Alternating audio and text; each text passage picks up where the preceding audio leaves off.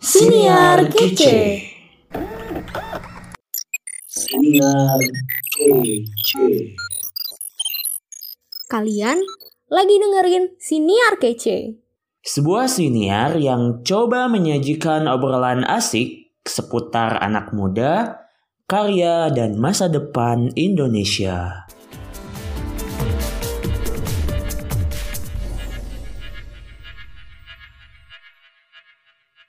Hai, saya Irfan, masih di Siniar Kece.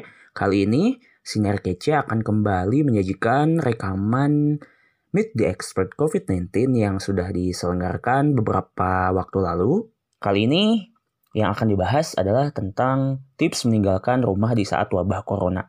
Sekarang kan udah masuk ke era new normal tuh. Kita meskipun berada di tengah-tengah pandemi seperti ini, tetap dianjurkan untuk beraktivitas dan produktif akan tetapi tetap memperhatikan protokol kesehatan dengan cara senantiasa memakai masker untuk menghindari potensi terpapar, kemudian sering-sering mencuci tangan, lalu berjaga jarak aman dan menghindari kerumunan. Nah, selengkapnya masih banyak tips-tips lain yang mungkin bisa teman-teman jalankan dalam kehidupan sehari-hari, dalam bekerja, beraktivitas yang lainnya, atau untuk berbelanja kebutuhan rumah tangga dan sebagainya. Nah, untuk diskusinya sendiri dibahas oleh Teknisa Melati Biantini sebagai dokter gigi, lalu Sekjen JMKI 2009 sampai 2011 dan FIM 7. Dan untuk diskusinya sendiri dimoderasi oleh Hanif Hidayatun Nikmah, FIM 21. Selengkapnya mari kita simak diskusi dari Teh Nisa. Selamat mendengarkan.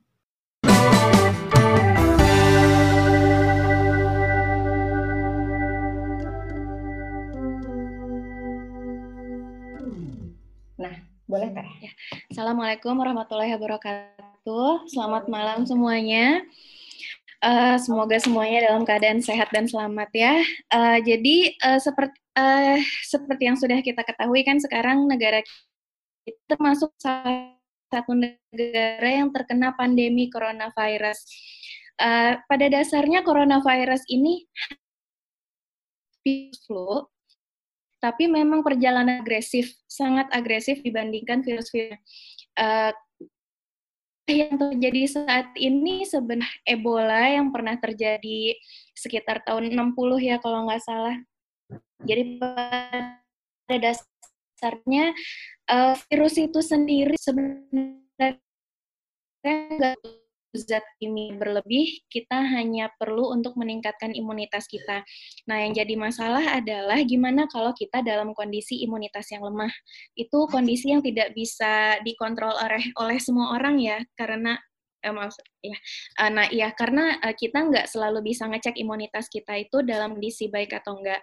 Nah, di sini uh, saya akan memberikan beberapa tips gimana caranya supaya uh, kita tidak mudah terinfeksi oleh coronavirus ini.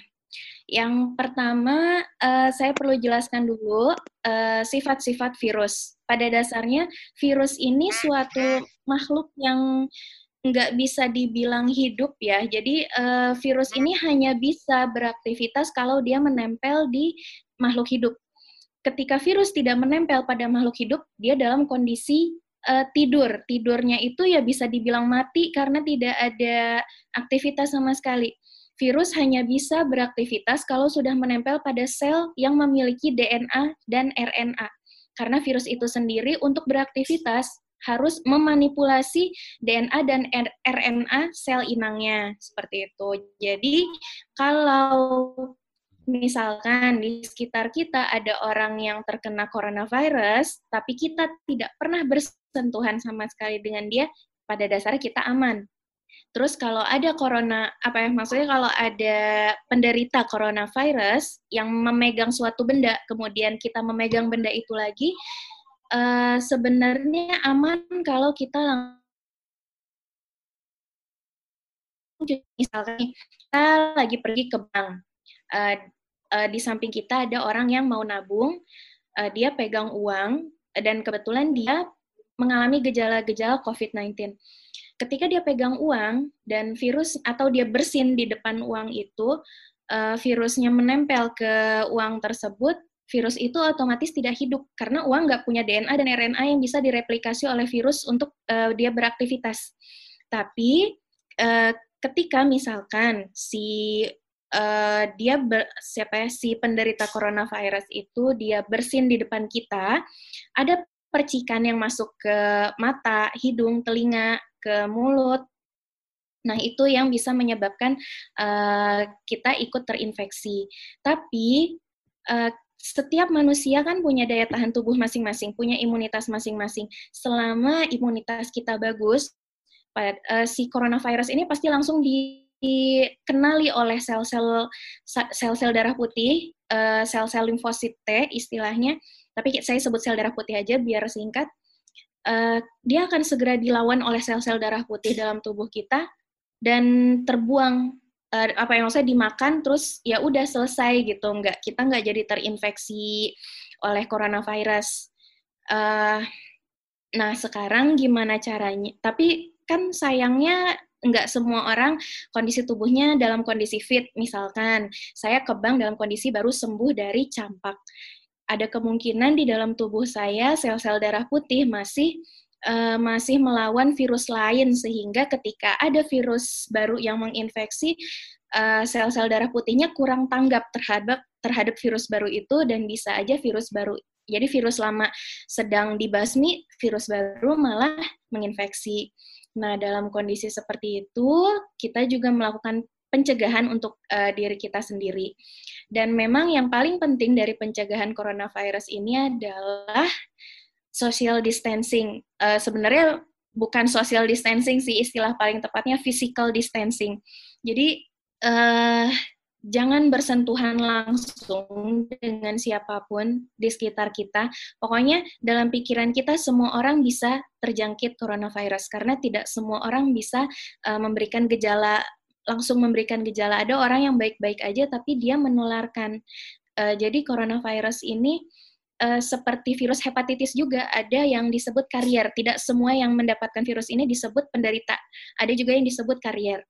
Karier ini dia baik-baik aja, nggak sakit, nggak bersin-bersin, nggak batuk-batuk, tapi uh, ketika ngobrol ada percikan air liur misalkan yang kena ke bagian tubuh lawan bicaranya ke pipinya misalkan terus diusap uh, dengan tangan tangan yang nggak cuci tangan langsung dipakai makan itu virusnya masuk ke dalam tubuh dan kebetulan misalkan orang ini yang beresiko tinggi untuk uh, mendapatkan infeksi coronavirus karena misalkan dia perokok nah di situ bisa terjadi infeksi Nah, supaya tidak terjadi hal-hal demikian, uh, yang paling penting kita lakukan yaitu uh, tadi sudah ya physical distancing. Kemudian yang kedua, rajin mencuci tangan.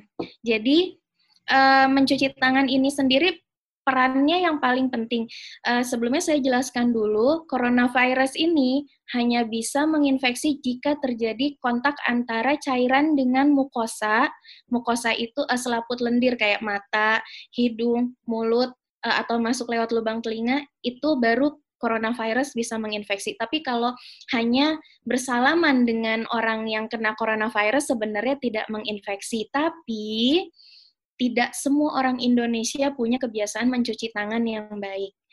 Kebanyakan orang Indonesia kan ya setelah salaman kalau mau makan ya makan aja nggak cuci tangan dulu atau cuci tangannya pakai air di kobokan nggak langsung di keran nah yang bagus itu sebenarnya di keran karena kalau cuci tangan di air dalam virusnya kan di situ-situ aja ya ketika ter, uh, terbilas dari tangan kita virus bakteri jamur semua tuh ya ada di mangkok aja nggak terbuang keluar.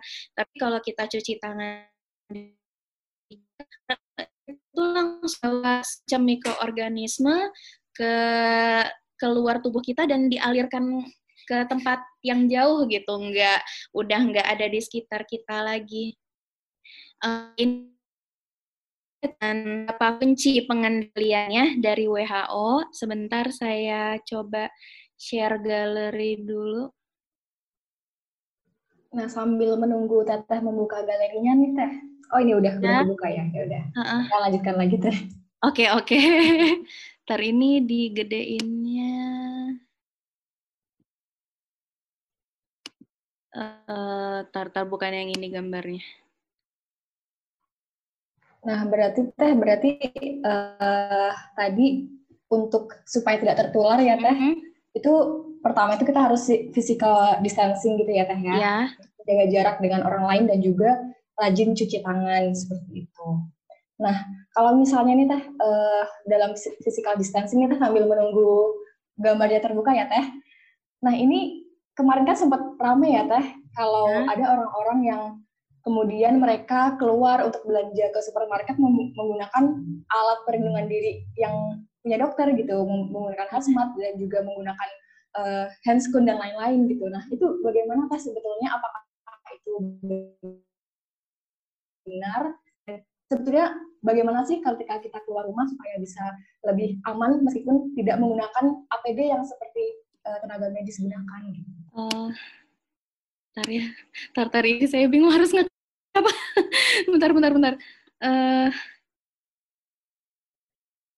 aduh, tadi yang diklik mana sih? Bentar, bentar, saya panggil asisten dulu.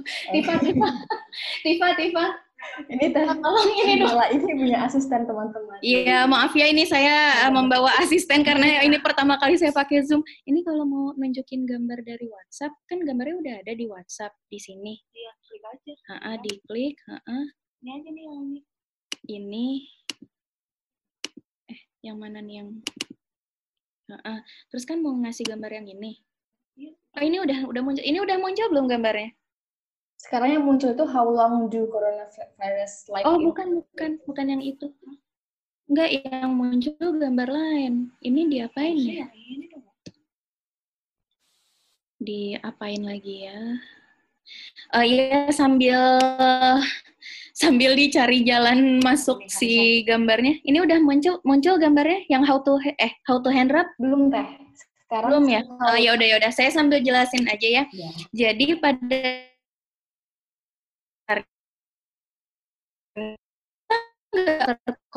kita boleh was harus waspada, jangan panik. Uh, kalau kita panik tuh apa ya kita malah jadi melakukan tindakan-tindakan yang irasional gitu kayak kita pakai baju APD medis lengkap ke mall itu tuh sebenarnya akan percuma ketika kita tidak cuci tangan uh, dan uh, mandi beserta keramas sebelum pakai APD lengkap tersebut. Jadi eh, tenaga medis yang ada di ruang isolasi pasien COVID-19 semua yang memakai apa namanya uh, APD lengkap itu sebelum dan setelahnya harus uh, cuci tangan, mandi dan keramas.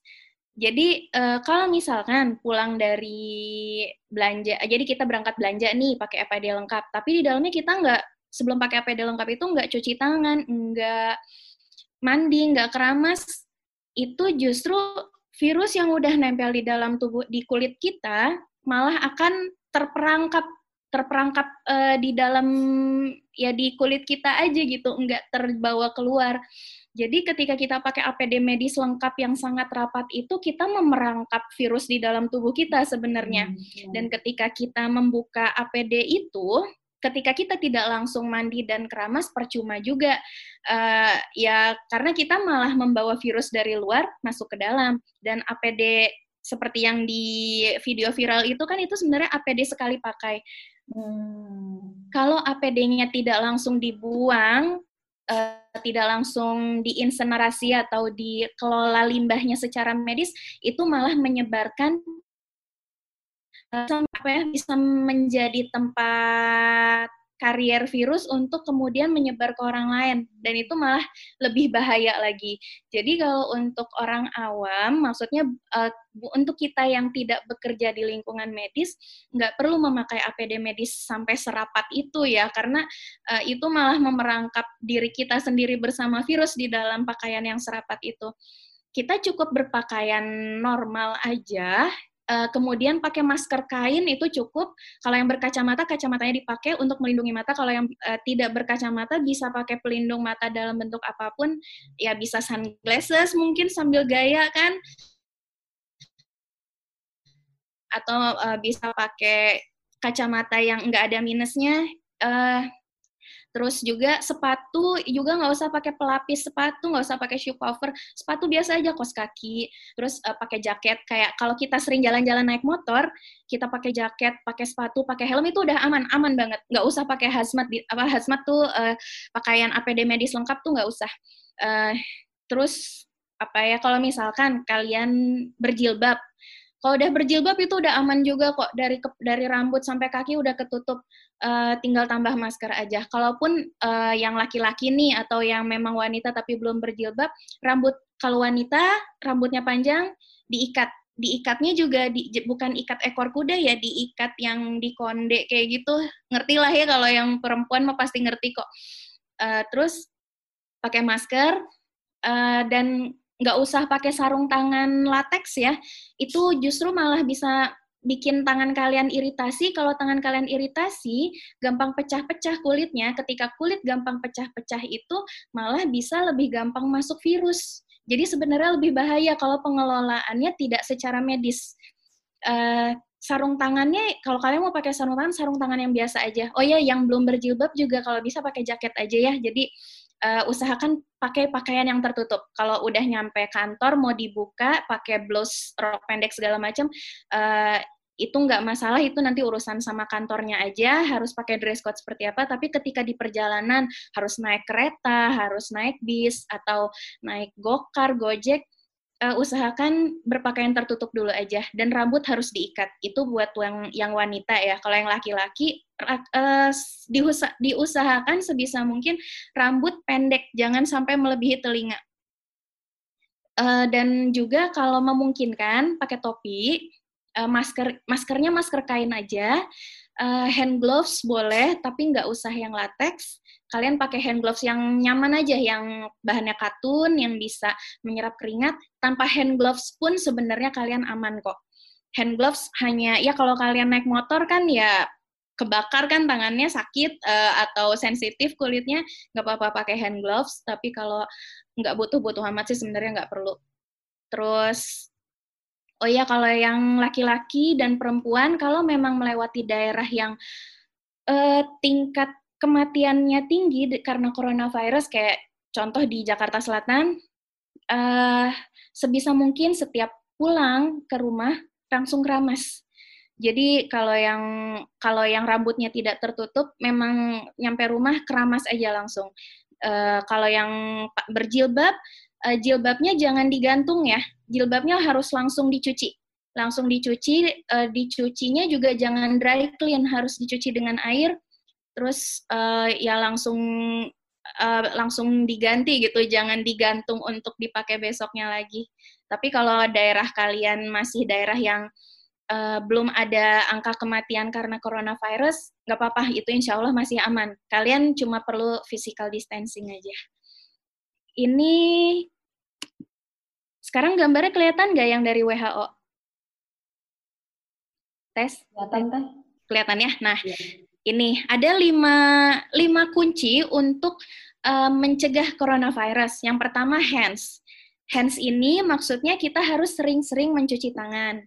Uh, nanti akan saya kasih step-stepnya ya uh, untuk mencuci tangan yang yang teliti, yang baik dan benar seperti apa.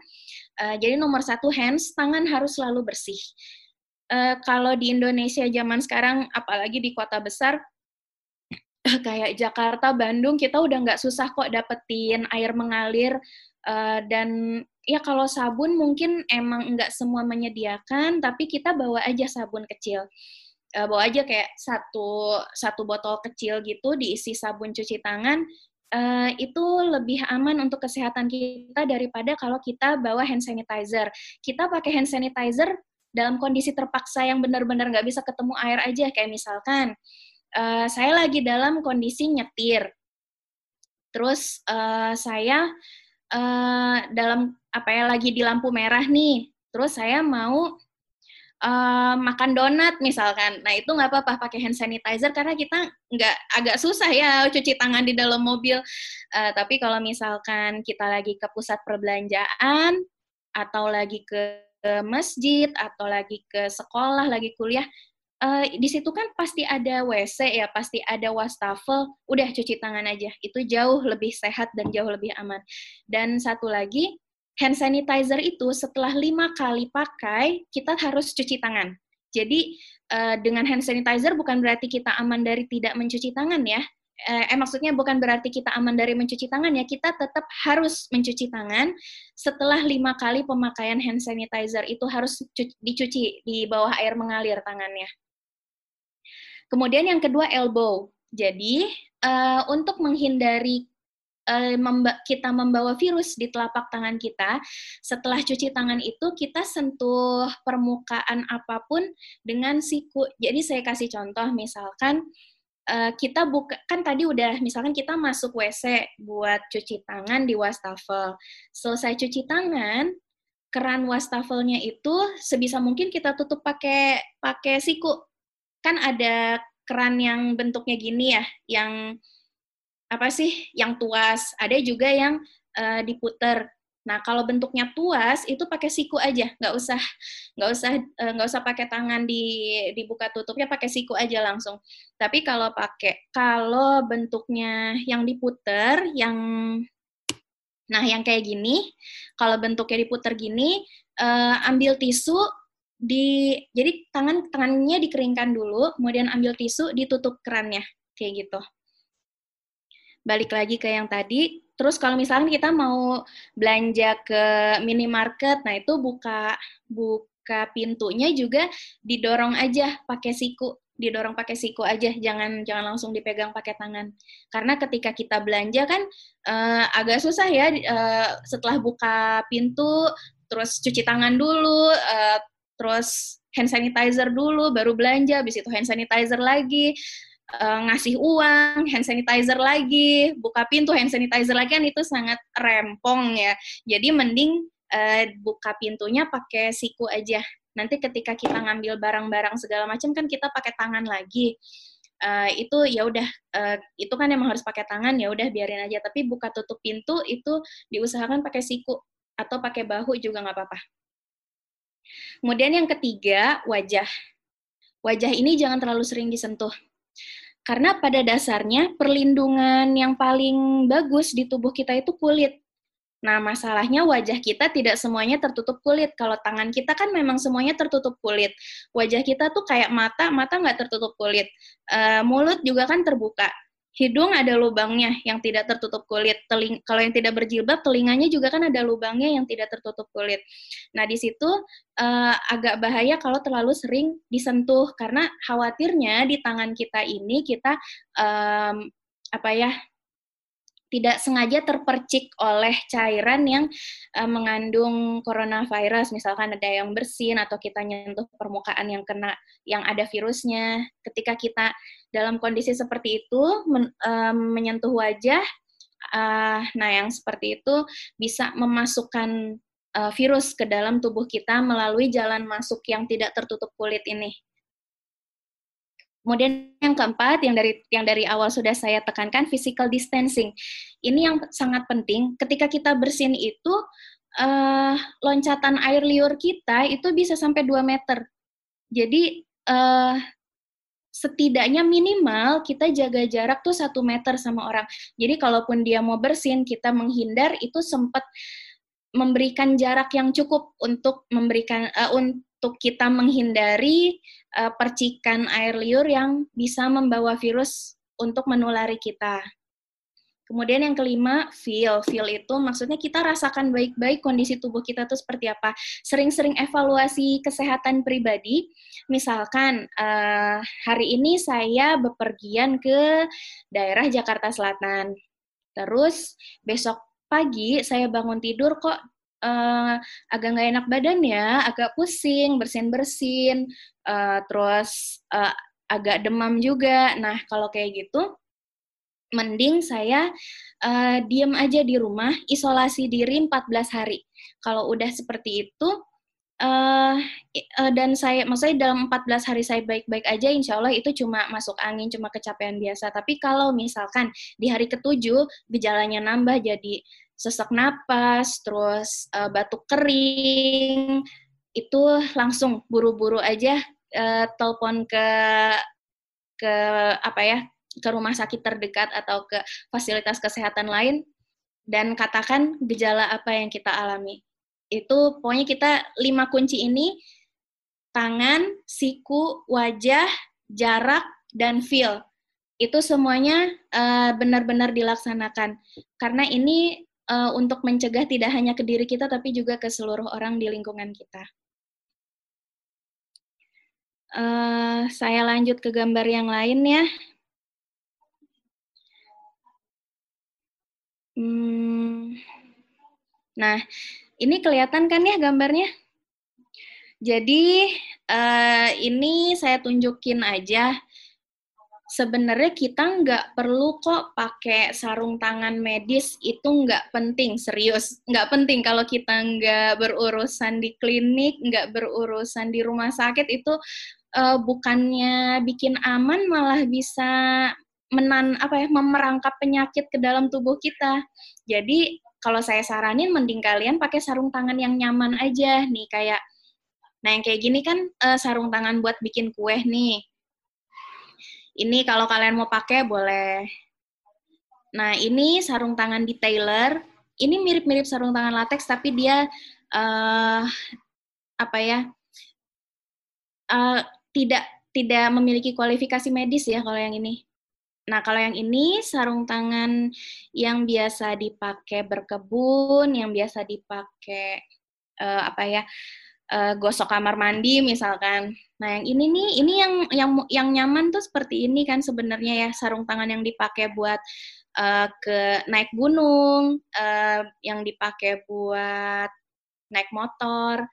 Nah, yang kayak gini juga nyaman kan sebenarnya sarung tangan dari kaos, uh, lebih nyerap keringat, lebih enak dipakai, lebih fashionable juga daripada susah-susah pakai sarung tangan uh, sarung tangan latex medis yang sebenarnya tidak bermanfaat banyak juga buat kita-kita yang tidak masuk ke klinik.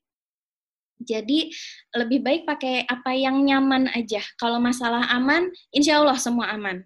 Yang penting uh, dari tadi saya tekankan physical distancing kalau kita pakai sarung tangan medis, pakai APD lengkap, tapi tapi misalkan masih doyan main ke rumah teman buat sosialisasi, buat arisan, terus cipika-cipiki, nah itu percuma deh mau pakai APD lengkap, mau pakai baju zirah besi juga percuma itu semua. Jadi yang paling penting physical distancing itu. Nih, saya kasih contoh lagi. Ini pekerja pekerja proyek ya, bukan pekerja medis. Uh, pekerja proyek dengan pakaian seperti ini juga udah cukup aman kok. Lihat ya, ini kan dia nggak nggak perlu pakai hazmat ya. Ini cuma kerja biasa diproyekkan uh, dan dia aman kok dengan pakaian seperti ini, aman dari coronavirus. Nggak perlu nggak perlu apa ya, nggak perlu pakai seluruh, seluruh rakyat Indonesia pakai baju hazmat itu nggak perlu. Kita pakai baju kerja biasa aja kalau mau kalau masih harus berangkat kerja. Yang penting physical distancing, uh, pakai masker kain. Uh, kalau sarung kalau kita nggak perlu berjabat tangan dengan siapa pun nggak usah pakai sarung tangan uh, yang agak rentan itu mungkin seperti pekerja apa ya teller bank, uh, customer service di bank. Nah itu uh, kan memang bekerja di tempat yang ketemu banyak orang, yang kita nggak bisa atur siapa orangnya, dan memang harus berjabat tangan. Nah, yang seperti itu pakai sarung tangannya pilihannya di sini aja, nggak usah pakai sarung tangan uh, seperti yang dipakai dokter dan perawat. Malah kalau untuk pegawai bank memang harus memperhatikan penampilan juga kan. Lebih baik pakai sarung tangan yang estetis dan modis seperti ini daripada pakai sarung tangan latex yang tidak nyaman dan tidak estetis juga. Kayak gitu. Oh ya, saya belum tunjukin cara mencuci tangan ya. Saya tunjukin dulu ya cara mencuci tangan. Eh, ini ke mana sih jalannya? Eh, lewat-lewat. Nah, ini cara mencuci tangan dengan sabun dan air. Lamanya seluruh prosedurnya kurang lebih 40 60 detik, tapi ini tergantung orangnya ya. Uh, Pokoknya yang penting stepnya jangan sampai ada yang kelewat. Nah, di sini yang dicontohkan itu uh, wastafel yang kerannya apa yang kerannya diputar di samping ini nggak mesti dipegang pakai tangan, masih bisa pakai siku. Jadi kalau kita bisa nggak pegang pakai tangan, masih bisa pakai siku, pakai siku aja diputarnya. Jadi yang pertama kan buka dulu kerannya, kemudian ambil sabunnya. Nah yang pertama seperti ini ya, tuh kayak gini. Jadi ceritanya udah ada sabun nih ya di di permukaan tangan, langsung di digini dulu. Ini step pertama. Yang kedua masukkan ke sela-sela jarinya, kayak gini ya. Tuh, kelihatan nggak? Nih kayak gini ya. Kelihatan ya? Kayak gini. Kelihatan ini gantiannya. Gantian kiri kanan. Terus bagian ininya juga sama kayak gini. Eh, nah. Terus tangannya saling mengunci kayak gini. Kelihatan gak sih? Kelihatan ya ini ya, gini. Iya. Nah, tangannya gini. Gitu. Digerak-gerakin aja. Nah, kalau udah, sekarang jempolnya. Jempolnya diusap. Ntar gimana ya? Nah, gini ya. Kemudian, uh, di ujung kuku ini sering kali tidak tidak bersih kalau kita cucinya asal-asalan. Jadi uh, cara membersihkannya itu seperti ini ya posisinya. Kelihatannya gitu. Jadi tuh kayak dikelitikin si telapak tangannya. Kayak gitu. Yang ini juga jangan lupa. Jadi apa pun step yang ada di sini dilakukan di tangan kiri dan tangan kanan. Kayak gitu ya untuk kukunya. Nah, yang terakhir yang terakhir sebenarnya ada lagi sampai ke pergelangan kayak gini ya. Ini untuk memastikan sampai ke pergelangan. Tapi biasanya kalau nggak nggak masuk ruang operasi nggak sampai sedetail itu nggak apa-apa. Nah terus langsung dibilas di bawah keran. Setelah selesai, kalau ada tisu, pakai tisunya langsung buang ke tempat sampah. Kalau adanya uh, apa hand dryer itu lebih bagus lagi karena kita nggak perlu berkontak dengan permukaan apa pun. Untuk nutup kerannya, kayak yang tadi saya bilang pakai siku nutupnya pakai siku gini ya, di gini. Tapi kalau kesulitan nutup pakai siku, belum terbiasa, ambil tisu yang kering, diputer. Jadi kita jangan nyentuh dengan tangan telanjang, pakai tisu diputer. Nah, udah setelah itu udah tangan kita udah bersih. Uh, boleh langsung makan. Uh, oh iya, tapi uh, kalau misalkan cuci tangan dari dalam WC, buka pintu WC-nya jangan pakai tangan ya. Buka pintu WC-nya pakai siku lagi. Nah, setelah ini kalau mau makan, aman, insya Allah. Terus, gimana kalau dalam kondisi terpaksa uh, kita nggak dapet air, kayak misalkan lagi di perjalanan uh, yang nggak sempat berhenti di rest area gitu, atau misalkan lagi nyetir di dalam mobil. Nah, ini saya tunjukin. Nah, how to hand wrap. Ini juga uh, semua gambar yang saya tunjukin di sini uh, mayoritas saya ambil dari WHO ya. Jadi supaya kita dapat standarisasi yang memang dilakukan di seluruh dunia. Jadi hand wrap ini istilah untuk uh, cuci tangan dengan hand sanitizer. Tapi ingat ya, ini hanya dalam kondisi terpaksa. Dan setelah lima kali pakai hand sanitizer, tetap harus cuci tangan di bawah air mengalir. Yang pertama, uh, tumpahkan, bukan tumpahkan apa sih, uh, ambil hand sanitizer secukupnya ke tangan kita, ke kanan maupun ke kiri. Kemudian uh, step pertama, eh mana sih kamera? Nah ini, begini dulu. Step kedua, dari punggung tangan, nah gini, kelihatannya. Terus ini. Step ketiga dari telapak tangan, kayak gini ya. Kanan kiri ya harus uh, harus dua-duanya. Kemudian step berikutnya kayak tadi saling mengunci untuk bersihin di bawah kuku gini. Kelihatannya gini. Nah. Terus jempol. Kemudian kayak tadi lagi digelitikin lagi nih permukaan tangannya kayak gitu. Nah, nah udah selesai. Jadi uh, pada dasarnya step-step untuk hand sanitizer dan cuci tangan dengan sabun itu step-stepnya sama. Uh, harus uh, membersihkan telapak tangan, punggung tangan, sela-sela jari, dan di bawah kuku. Oh ya di uh, di di jempol juga ya. Gitu. Itu stepnya kalau kebalik-balik nggak apa-apa, yang penting semuanya dapat gitu. Dan ingat nomor satu tetap cuci tangan dengan air dan sabun. Uh, hand sanitizer ini pilihan kedua. Oke, hand sanitizer ya. Hmm. Eh, mana tadi? Nah, ini uh, saya kasih ini aja apa rentang waktu si virus itu aktif ketika tidak berada di dalam tubuh manusia. Nah, ini bisa dibaca ya kalau di permukaan logam, kayak uang logam, pegangan pintu itu lima hari. Di kaca, jendela, uh, wadah makanan uh, itu lima hari. Keramik lima hari. Kertas lima hari. Uh, kayu empat hari. Plastik 2 sampai tiga hari. Stainless steel 2 sampai tiga hari.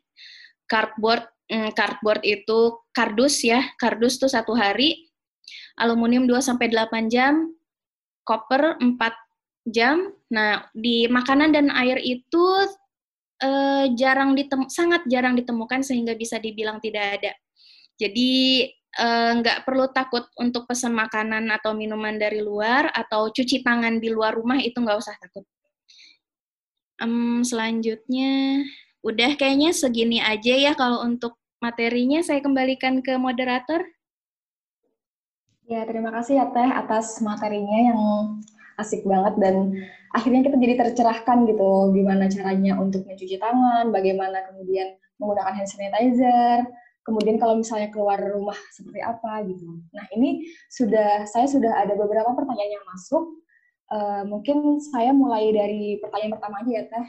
Nah sekarang ini kan ini ya teh uh, di masyarakat itu sudah banyak pengadaan desinfektan chamber yang kamar desinfeksi itu di mana orang-orang bisa masuk ke bilik itu kemudian uh, disemprotkan cairan desinfektan dan katanya akan menjadi bersih. Nah, itu bagaimana teh ketika kita di luar apakah kita perlu untuk masuk ke desinfektan chamber apabila tersedia? Ya. Uh, jadi sebenarnya ini udah ada di kelas sebelumnya ya perbedaan desinfektan uh, dan antiseptik. Pada dasarnya desinfektan itu hanya uh, mengusir mikroorganisme yang ada di benda mati. Jadi kalau kita sudah bepergian dari tempat yang uh, banyak apa ya yang uh, yang terjadi banyak uh, wabah virus corona ini, kemudian kita disemprot, ini dari seluruh pakaian kita dari kepala sampai kaki itu insya Allah steril. Tapi gimana kalau virusnya udah masuk ke dalam paru-paru kita? Itu yang uh, itu yang jadi masalah. Gimana kalau virusnya udah ada di mata kita, udah ada di dalam uh, mulut kita? Nah itu yang uh, tidak terjangkau oleh desinfektan tersebut. Dan lagi desinfektan itu pada dasarnya apa ya kenapa hanya boleh digunakan di benda mati karena memang bisa berbahaya pada sel-sel hidup. Uh, contoh desinfektan itu tahu Baiklin kan ya, Baiklin, uh, Wipol. Nah, itu kan uh, desinfektan pada dasarnya. Coba bayangin kita dimandiin pakai Baiklin, apa nggak perih kulitnya? Terus bayangin kalau misalkan uh, kita mandi pakai wipol apa nggak kering kulitnya. Nah, itu kan sebenarnya udah udah ini ya, udah tanda-tanda kerusakan sel seperti itu. Dan lagi kalau virus sudah terlanjur masuk ke paru-paru kita, apa kita disuruh menghirup NaOC? Apa apa kita harus disuruh menghirup Baiklin? Ya keracunan yang ada, bukan yang mati karena coronavirus tapi mati keracunan Baiklin kan. Jadi uh, sebenarnya kalau dibilang efektif ya efektif untuk pakaian kita, bukan efektif untuk ke dalam tubuh kita. Kalau di dalam tubuh kita, senjata paling efektif itu imunitas kita sendiri. Jadi uh, pintar-pintar menjaga kesehatan, terutama apalagi anak zaman sekarang kan emang udah banyak yang hipertensi, yang diabetes, dan itu dua hal utama yang menjadi uh, faktor penunjang terjadinya infeksi coronavirus. Nah, dua hal itu sebisa mungkin dikontrol, gula darahnya dikontrol, tekanan darahnya dikontrol, kemudian uh, asupan gizi, kegiatan fisik, uh, jam istirahat itu semua harus uh, diperbaiki. Itu. Nah, Teh, kalau misalnya nih ketika kita berpergian, ada nggak sih waktu yang paling aman untuk kita berpergian gitu? Apakah ketika di siang hari, atau pagi hari, atau malam hari? Apakah virus itu ketika siang hari apakah dia aktif atau tidak aktif ada waktu khususnya nggak? Oh, siang mau malam virus kalau mau menginfeksi ya menginfeksi aja, nggak ada batas amannya siang atau malam. Tapi justru lebih amannya kalau uh, lagi sepi gitu. Misalkan kita mau ke ke minimarket dekat rumah, ya jangan pas lagi orang-orang sekompleks semuanya belanja gitu. Uh, kita cari waktu di mana lagi yang belanja tuh cuma tiga orang, nah itu lebih aman buat kita karena bisa physical distancing kan kalau kondisinya kayak gitu. Iya. Nah kalau tadi kan Teteh kan juga sudah sempat menjelaskan ya Teh kalau kita keluar rumah tuh harus pakai jaket, kemudian uh, harus setertutup mungkin gitu baju-bajunya. Nah kalau kita sudah sampai rumah nih Teh dari luar rumah, nah itu apa yang harus kita lakukan ketika setiba di rumah? Ya, uh, setiba di rumah ini ini saya ambil kondisi terburuk aja ya. Kalau kita ya. dalam kondisi ada di kota yang uh, tingkat kematiannya tinggi, uh, nyampe rumah yang harus kita lakukan buka semua baju. Uh, kalau kita pakai masker dan sarung tangan, ikutan dibuka juga. Pokoknya semua yang kita pakai itu dibuka. Uh, dan langsung masuk uh, ke mesin cuci atau misalnya kalau dicucinya pakai apa di bawah air mengalir itu lebih bagus lagi. Dan kalau masuk mesin cuci jangan dibesokin nyucinya, harus uh, saat itu juga langsung dicuci semuanya. Uh, makanya tadi kenapa saya lebih menyarankan pakai sarung tangan yang katun yang ya selain karena nyaman dan estetik lebih mudah untuk dicuci juga dan masker juga saya lebih nyaranin yang katun ya karena uh, bukan katun hmm. sih Oxford sebenarnya sih bahan yang bagusnya. Tapi pokoknya intinya masker kain ya. Karena masker kain itu bisa langsung dicuci juga. Ketika kita pulang ke rumah langsung dicuci semuanya aja. Kayak gitu. Coba kalau kita pakai masker medis. Masker medis itu nggak bisa dicuci. Itu untuk sekali pakai kan.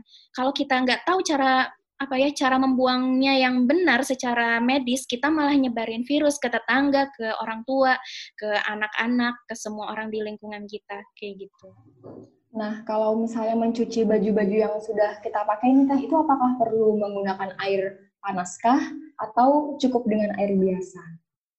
Hmm, air biasa nggak apa-apa, yang penting mengalir. Jadi uh, panas dinginnya nggak terlalu ngaruh sih. Yang penting airnya mengalir gitu. Jadi bukan direndam semalaman terus baru dicuci besok dan bukan bukan air mengalir ya kan. Ya kalau kayak dulu saya di kosan kan kadang uh, baju direndam semalaman iya. ya kan.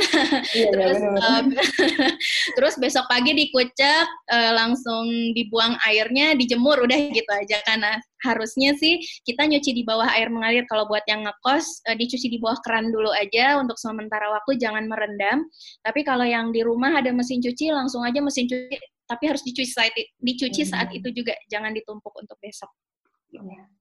Nah, ini teh ada pertanyaan dari Teh Anissa Rahmadani, uh, bagaimana cara mencegah COVID-19 bagi penjual toko seperti warung, karena kan barang-barangnya dipegang-pegang oleh orang lain dan ada menerima uang juga. Nah, itu bagaimana pencegahannya selain dengan mencuci tangan? Apakah ada pencegahan lainnya?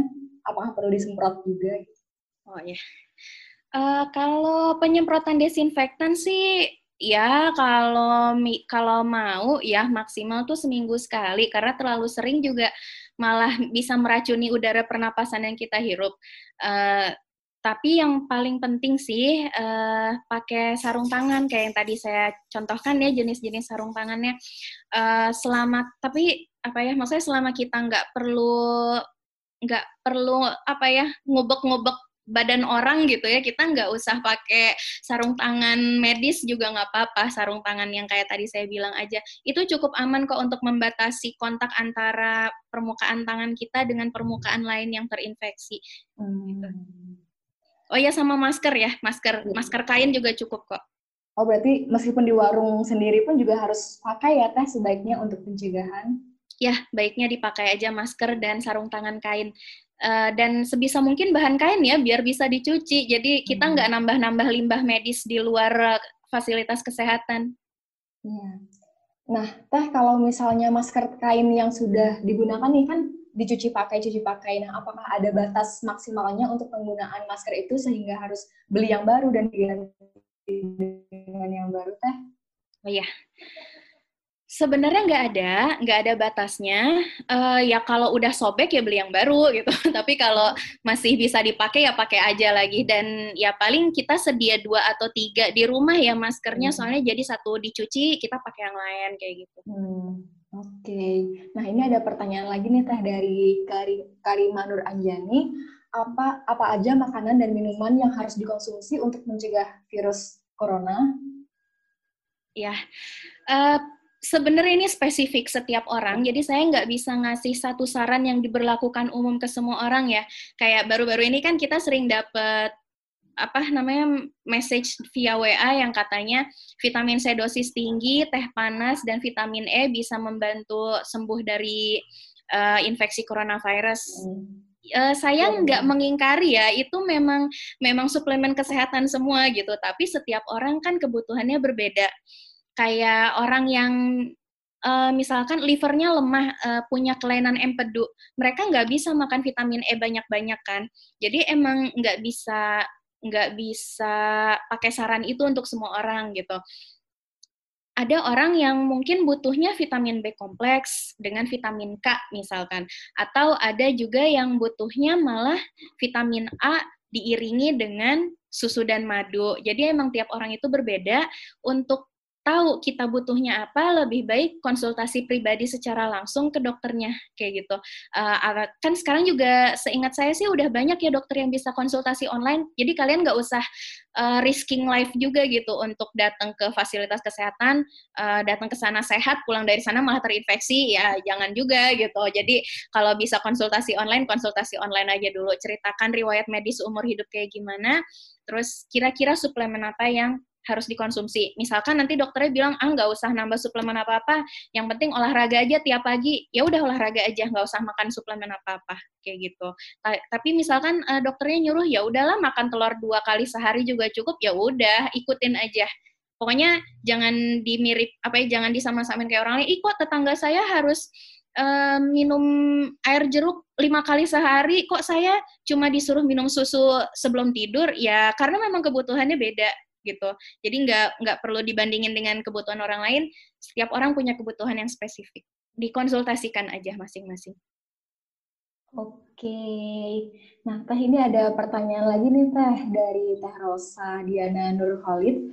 Uh, jika se seseorang tinggal di kota A di mana dia itu nah kemudian dia pulang ke kota B untuk karena libur, karena work from home gitu ya tapi tidak full 14 hari. Kemudian dia kembali lagi ke kota A untuk melanjutkan kuliahnya. Apakah dia tetap perlu untuk karantina selama 14 hari tersebut?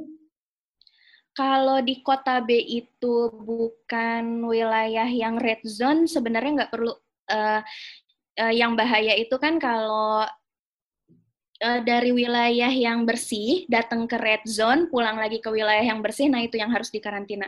Tapi kalau dari red zone ke wilayah bersih, terus ke red zone lagi nggak masalah. Justru orang-orang yang di wilayah bersih itu yang harus dikarantina karena iya. kehadiran kita di sana. Iya iya. Oke deh teh. Nah kemudian ini ada pertanyaan. Berarti kalau misalnya untuk kita kalau grab food kemudian uh, dapat paket itu tidak apakah perlu untuk didisinfeksi juga teh? Disemprot desinfektan gitu? Uh, gimana ya? Kalau sebenarnya sih kalau mau cari aman bisa disemprot aja. Uh, tapi kalau makanan sih nggak usah ya. Paling kita kalau terima paket dalam misalnya kita beli hijab gitu uh, terima paket dalam bentuk kardus. Nggak apa-apa didesinfeksi aja si kardusnya uh, terus uh, ya udah dibuka seperti biasa aja. Nanti juga kan hijabnya tetap harus dicuci kan. Terus kalau misalnya terima GrabFood kayak yang tadi saya udah tunjukin tidak ditemukan coronavirus kan dalam air dan makanan. Jadi nggak didesinfeksi juga nggak apa-apa. Nggak usah disemprot juga ntar malah keracunan kitanya. Iya iya iya. Oke. Nah, Teh ini ada pertanyaan lagi nih Teh, apakah saya harus selalu memakai sarung tangan dan masker ketika keluar ataupun di dalam rumah Teh? Sebenarnya kalau sarung tangan sih nggak terlalu perlu ya. Masker juga hanya kalau red zone. Kalau bukan red zone tuh masih ini kok masih enak kok udaranya. Apalagi di Indonesia kan uh, curah hujan tuh masih tinggi. Jadi udara tuh masih gampang untuk jadi bersih. Uh, yang perlu pakai masker tuh di red zone aja. Ya kayak sekarang kan apa ya red zone tuh DKI Jakarta uh, eh Jabodetabek sih sebenarnya. Terus Bandung juga ya kalau nggak salah udah red zone. Uh, kalau kita misalkan di Purbalingga misalkan itu kalau nggak salah belum belum red zone kan nggak apa-apa. Ke mana-mana aman kok. Terus kalau untuk sarung tangan juga uh, sebenarnya selama kita uh, bisa mendapatkan akses untuk cuci tangan sarung tangan itu nggak terlalu perlu ya kecuali kalau kayak tadi penjaga toko, penjaga minimarket, misalkan kasir, uh, kas, apa namanya kasir bank, nah itu kan nggak bisa sering-sering cuci tangan dan mereka harus sering pegang uang, itu nggak apa-apa pakai sarung tangan katun. Kalau kita kita yang cuma pergi beli telur ke minimarket ya nggak apa-apa, nggak usah pakai. Okay. Nah, teh ini ada pertanyaan lagi nih teh untuk uh, apabila saya ini dari teh putri ya Putri Anggraini Aswad apabila saya datang dari daerah zona merah kemudian mudik ke kampung halaman uh, step apa aja yang harus saya lalui supaya saya bisa mencegah penyebaran uh, virus corona corona ini. Ya. Apakah harus melaporkan atau seperti apa? Uh, ya, sebenarnya sih memang prosedurnya yang tepat itu harus melaporkan saya dari red zone uh, keperluannya apa masuk wilayah bersih tersebut. Uh, kemudian nanti biasanya dari fasilitas kesehatan terdekat biasanya puskesmas nanti akan mem, apa ya memberikan semacam prosedur bahwa kita ini jadi ODP pada saat itu. Jadi uh, ketika kita dalam posisi ODP, kita masih bisa melakukan semua kegiatan normal, tapi memang 14 hari nggak boleh ke mana-mana sembarangan gitu. Uh, jadi harus di rumah, nggak boleh ke mana-mana, dan semua orang yang satu rumah dengan kita pun uh, apa ya karena berinteraksi dengan kita akan disebut ODP juga. Jadi satu keluarga satu rumah itu semua ODP nggak boleh keluar rumah dulu 14 hari. Nanti untuk prosedur lebih detailnya itu akan dijelaskan oleh fasilitas kesehatan terdekat biasanya. Jadi uh, kadang kebijakan tiap wilayah kan beda-beda, nah itu harus ditanya langsung ke puskesmas terdekat. Oke, nah ini teh ada pertanyaan menarik nih dari Kang Alif Muhammad. Uh, yang pertama itu uh, apa bedanya physical distancing dengan social distancing? Kemudian uh, sekarang kan sos himbauan untuk social distancing kan sudah lama ya teh. Nah, kemudian sekarang ada juga isu tentang pembatasan sosial berskala besar. Nah, itu uh, seberapa berefek uh, PSBB itu dengan dengan social distancing yang sudah digaungkan yang lama? Uh, ya, jadi physical distancing itu kita hanya tidak berkontak, tapi tetap bersosialisasi itu maksudnya. Uh, jadi uh, kalau social distancing itu sebenarnya lebih luas lagi kita sampai unfollow Instagram misalkan kita sampai nggak mau kayak uh, ikut kelas online kayak gini kayak gitu jadi social distancing itu lebih luas lagi uh, apa ya semacam kata umum untuk physical distancing. Nah, kalau untuk coronavirus ini sendiri, uh, kita spesifikkan saja di physical distancing karena kita nggak nggak terlalu sampai apa ya nggak perlu sampai jadi mengurung diri banget dari semua sosialisasi kan kita masih punya keperluan-keperluan lain juga kayak gitu. Eh, yang penting kita jangan berkontak dengan sembarang orang itu aja. Berkontak dalam artian bersalaman, uh, cipiki itu jangan jangan dulu deh ditahan dulu untuk sementara ini. Uh, kita say hi aja dari dari medsos-medsos aja. Oh, terus untuk PSBB ya. Jadi sebenarnya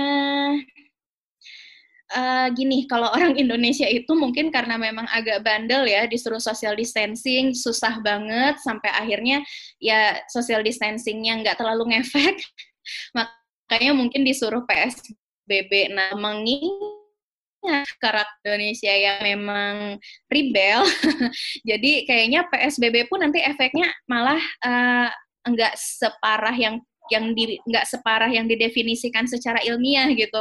Jadi paling nanti efeknya ya akan jadi social distancing aja, apa physical distancing aja gitu. Jadi kalau dibilang efeknya jauh banget kayaknya enggak ya, karena melihat karakter orang Indonesia yang seperti ini.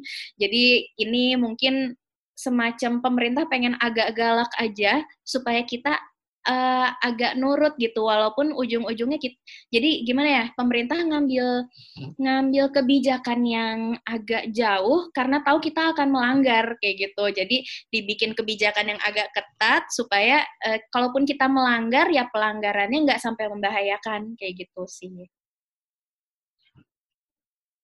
Nah, sebetulnya kan untuk uh, social distancing yang selama ini sudah dianjurkan oleh pemerintah itu kan uh, juga sangat tidak tegas ya teh. Uh, masih banyak yang berkeliaran ke sana ke sini. Kemudian banyak yang masih berkumpul juga. Nah itu bagaimana nih ketika uh, eh, PSBB ini kemudian nanti dijalankan?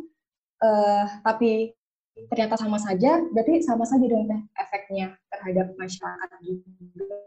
Penularannya juga tetap banyak gitu. Hmm. sama seperti itu bagaimana? Iya sebenarnya sih uh, kalau misalkan pemerintah emang mau serius, mau tegas, harusnya memang ada sanksi uh, semacam apa ya? Uh, apa sih reward and punishment itu harus ada sih sebenarnya buat orang-orang yang uh, mematuhi itu rewardnya apa, buat orang-orang yang tidak patuh punishmentnya apa itu harusnya ada. Cuma uh, karena saya dalam kapasitas yang memang bukan pihak pemerintah, jadi saya juga ya paling cuma bisa ngomong di medsos ya, nggak bisa langsung ngomong ke pemerintahnya. Uh, jadi paling kalau misalnya di sini ada teman-teman audiens yang memang punya akses ke pemerintah, ya saya harap mungkin bisa diusulkan untuk punishment yang tegas gitu. Punishmentnya juga yang bikin orang kapok, jangan sekedar punishment dimarahin di jalanan doang gitu. Uh, punishment yang emang benar-benar bikin orang mau di dalam ya kayak dulu kan sempat ada yang nyebar info katanya di Rusia ngelepasin singa gitu kan iya. biarpun katanya ternyata hoax ya coba aja kita coba dengan kearifan lokal kita sendiri seperti apa sih hal yang bisa bikin rakyat kita nurut uh, ya sekalipun mereka melaksanakan dengan terpaksa seenggaknya dilaksanakan kayak gitu Ya di beberapa daerah ada teh yang sudah menyamar jadi pocong, setan. Ah iya gitu. bagus gitu untuk menakuti warga juga kan iya jadi tergantung kearifan lokal ya. Kalau orangnya emang takut pocong ya udah kita takut takutin pakai pocong aja. Kalau orangnya pada takutnya sama preman takutin pakai preman ya gimana ini deh uh, gimana kondisi wilayahnya aja. Ya betul. Nah untuk uh, pertanyaan yang masuk sudah saya sampaikan semua nih teh. Uh, mungkin untuk sharing kali ini sudah selesai ya teman-teman sebelum kita tutup, apakah Teh Nisa ada lagi yang mau disampaikan, Teh? Uh, saya mau menyampaikan dikit aja ya untuk pengetahuan aja, tambah pengetahuan untuk APD medis. Ntar saya share screen lagi. Ini kelihatan nggak gambarnya yang saya ini? Masih belum, Teh? Belum ya, Tar ya. Oh, ini udah ada gambar yang long do coronavirus live on surfaces? Uh, oh, bentar bukan yang ini, bukan yang ini. Nah, bentar ya, bentar, bentar. Manggil saudara saya dulu. Pak minta tolong lagi. Ini Teteh mau share screen lagi. Uh, terus kan gini. Iya. Terus dari sini. Eh, bukan, bukan. Mana tadi ya yang yang itu yang uh, WhatsApp yang dari WhatsApp. Nah, oh ini kelihatan nggak APD ya, level? Iya. Nah, ya. Jadi uh, gini, saya tunjukin dulu ya. Ini APD yang digunakan oleh tenaga medis untuk pengetahuan aja kepada orang awam nggak usah dipakai ya. Jangan.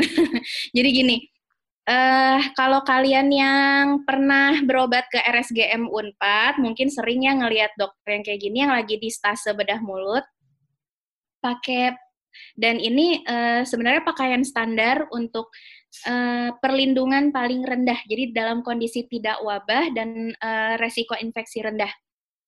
Seperti ini ya kurang lebih baju kerja. Baju kerja nih kalau anak-anak koas biasanya pada pakai jas putih. Terus masker, penutup kepala. Nah, karena sekarang dokter udah banyak yang berjilbab, penutup kepala ini udah jarang dipakai karena dianggapnya ya udah berjilbab, udah tertutup kepalanya. Tapi yang cowok-cowok sih harusnya tetap pakai ya, cowok-cowok dan yang belum berjilbab juga harusnya tetap pakai. Terus handscoon, alas kaki. Nah, kita lihat di sini exposure kulitnya seperti apa. Ini mata terekspos, telinga terekspos, siku terekspos, leher terekspos. Ini tidak melindungi dari wabah. Jadi eh, ketika kalian ngelihat ada tenaga medis yang pakaiannya masih seperti ini di masa wabah, sebenarnya tenaga medis tersebut tidak dalam kondisi aman. Jadi kalau bisa kalian uh, tanya dulu ke tenaga medisnya, boleh nggak uh, bapak atau ibu pakai baju yang lebih aman? Karena gini, penularan itu tidak hanya terjadi dari pasien ke tenaga medis, tapi juga dari tenaga medis ke pasien. Saya punya cerita, um, mungkin moderator juga tahu ya orang tua dari salah satu dokter lulusan Unpad yeah. meninggal, ha, ya. Hmm. Jadi beliau itu uh, ini saya juga agak ketukar nih ceritanya. Jadi ada salah satu dokter yang tertular uh, coronavirus, padahal dia kerja sudah pakai uh, eh, APD level 3 yang seperti ini. Nah, dia di klinik sudah berpakaian seperti ini, hmm. tapi tetap terinfeksi coronavirus. Kenapa? Karena dia ternyata terinfeksi dari sebelum memakai pakaian tersebut. Ketika dia berbicara dengan teller di rumah apa teller apa sih yang di rumah resepsionis di rumah sakit. Hmm. Nah, di saat itulah dia tertular. Ketika tertular, nah uh, setelah apa setelah tertular dia menerima pasien uh, tetap kerja seperti biasa berpakaian seperti ini nah pasiennya bagaimana kondisinya tidak tertular sama sekali jadi pada dasarnya APD ini uh, semacam mengisolasi kon, uh, kontak fisik antara kita dengan orang lain tidak hanya menyaring uh, virus dari luar ke dalam tubuh kita tapi juga memerangkap virus yang sudah ada di dalam tubuh kita supaya tidak menyebar ke orang lain. Itu salah satunya kenapa saya bilang bahaya kalau masyarakat awam pakai APD seperti ini tanpa penanganan medis yang tepat. Karena ya salah seorang teman sejawat uh, salah seorang teman sejawat saya aja ada yang meninggal dengan kondisi berpakaian seperti ini dan itu sudah di maksudnya uh, seluruh pakaiannya kan memang tertangani secara medis ya, apalagi orang awam yang tidak tahu penanganan secara medisnya. Jadi saya sangat menghimbau jangan pakai APD medis kalau bukan bekerja di lingkungan medis. Seperti itu. Nah, saya sendiri di tempat praktek sebenarnya berpakaian seperti ini ya, bisa dilihat pakai jas hujan. Jadi memang saya eh, pada saat ini, dua minggu lalu, saya belum bisa mendapatkan akses kepada baju yang seperti ini. Ini saya belum dapat jadi sementara saya masih harus tetap kerja karena ada kasus emergensi, jadi saya harus berpakaian seperti ini. Nah, kalau dokternya teman-teman sudah berpakaian seperti ini, insya Allah aman. Uh, tidak akan menularkan, tidak akan menjadi karier untuk menularkan kepada kalian, dan kalian pun insya Allah tidak menularkan kepada dokternya. Ya biarpun uh, agak kurang ini ya bajunya, agak kurang estetis, tapi ya sudah dimaklumi saja kita sedang dalam masa sulit soalnya. Ya insya Allah besok-besok saya udah mulai pakai yang ini. Uh, terakhir praktek saya udah mulai pakai baju ini juga. Uh, jadi nanti kalau ada teman-teman yang datang ke klinik saya dan melihat pakai baju ini jangan kaget, kita tidak sedang merawat pasien COVID-19, kita hanya mencegah terjadinya penyakit ini di dalam klinik. Jadi uh, kadang ada pasien yang beranggap kalau kita pakai baju kayak gini, oh berarti di dalam kliniknya ada yang kena corona? Enggak juga, enggak juga. Ini justru uh, mencegah pasien-pasien kita kena corona, kayak gitu. Udah itu aja mungkin ya uh, yang saya sampaikan. Kalau misalkan masih ada pertanyaan, mangga. Kalau nggak ada, uh, silahkan moderator. Ya, baik. Terima kasih Teh Mila atas uh, pencerahannya di malam hari ini. Mudah-mudahan apa yang sudah disampaikan sama Teh Mila bisa kita resapi dan juga kita amalkan ya teman-teman. Nah, saya uh, ingin menyinggung sedikit nih, mereview sedikit kalau misalnya teman-teman akan keluar rumah, itu jangan lupa untuk uh, memakai pakaian tertutup. Kalau bisa diusahakan untuk memakai pakaian tertutup, menggunakan jaket, penutup kepala, dan tidak perlu menggunakan sarung sarung tangan yang latex gitu. Cukup menggunakan sarung tangan yang kain saja juga sudah cukup. Kemudian juga sebaiknya menggunakan masker masker kain ya teman-teman tentunya. Kemudian untuk uh, teman-teman perempuan yang rambutnya panjang sebaiknya diikat diikat dan digelung dan uh, kalau bisa juga memakai topi. Dan jangan lupa untuk sering-sering uh, cuci tangan dengan cara yang benar. Nah, mungkin sekian uh, materi pada hari ini. Terima kasih Teh Mila sudah menjelaskan dengan sangat jelas. Terima kasih teman-teman sudah berpartisipasi pada malam hari ini.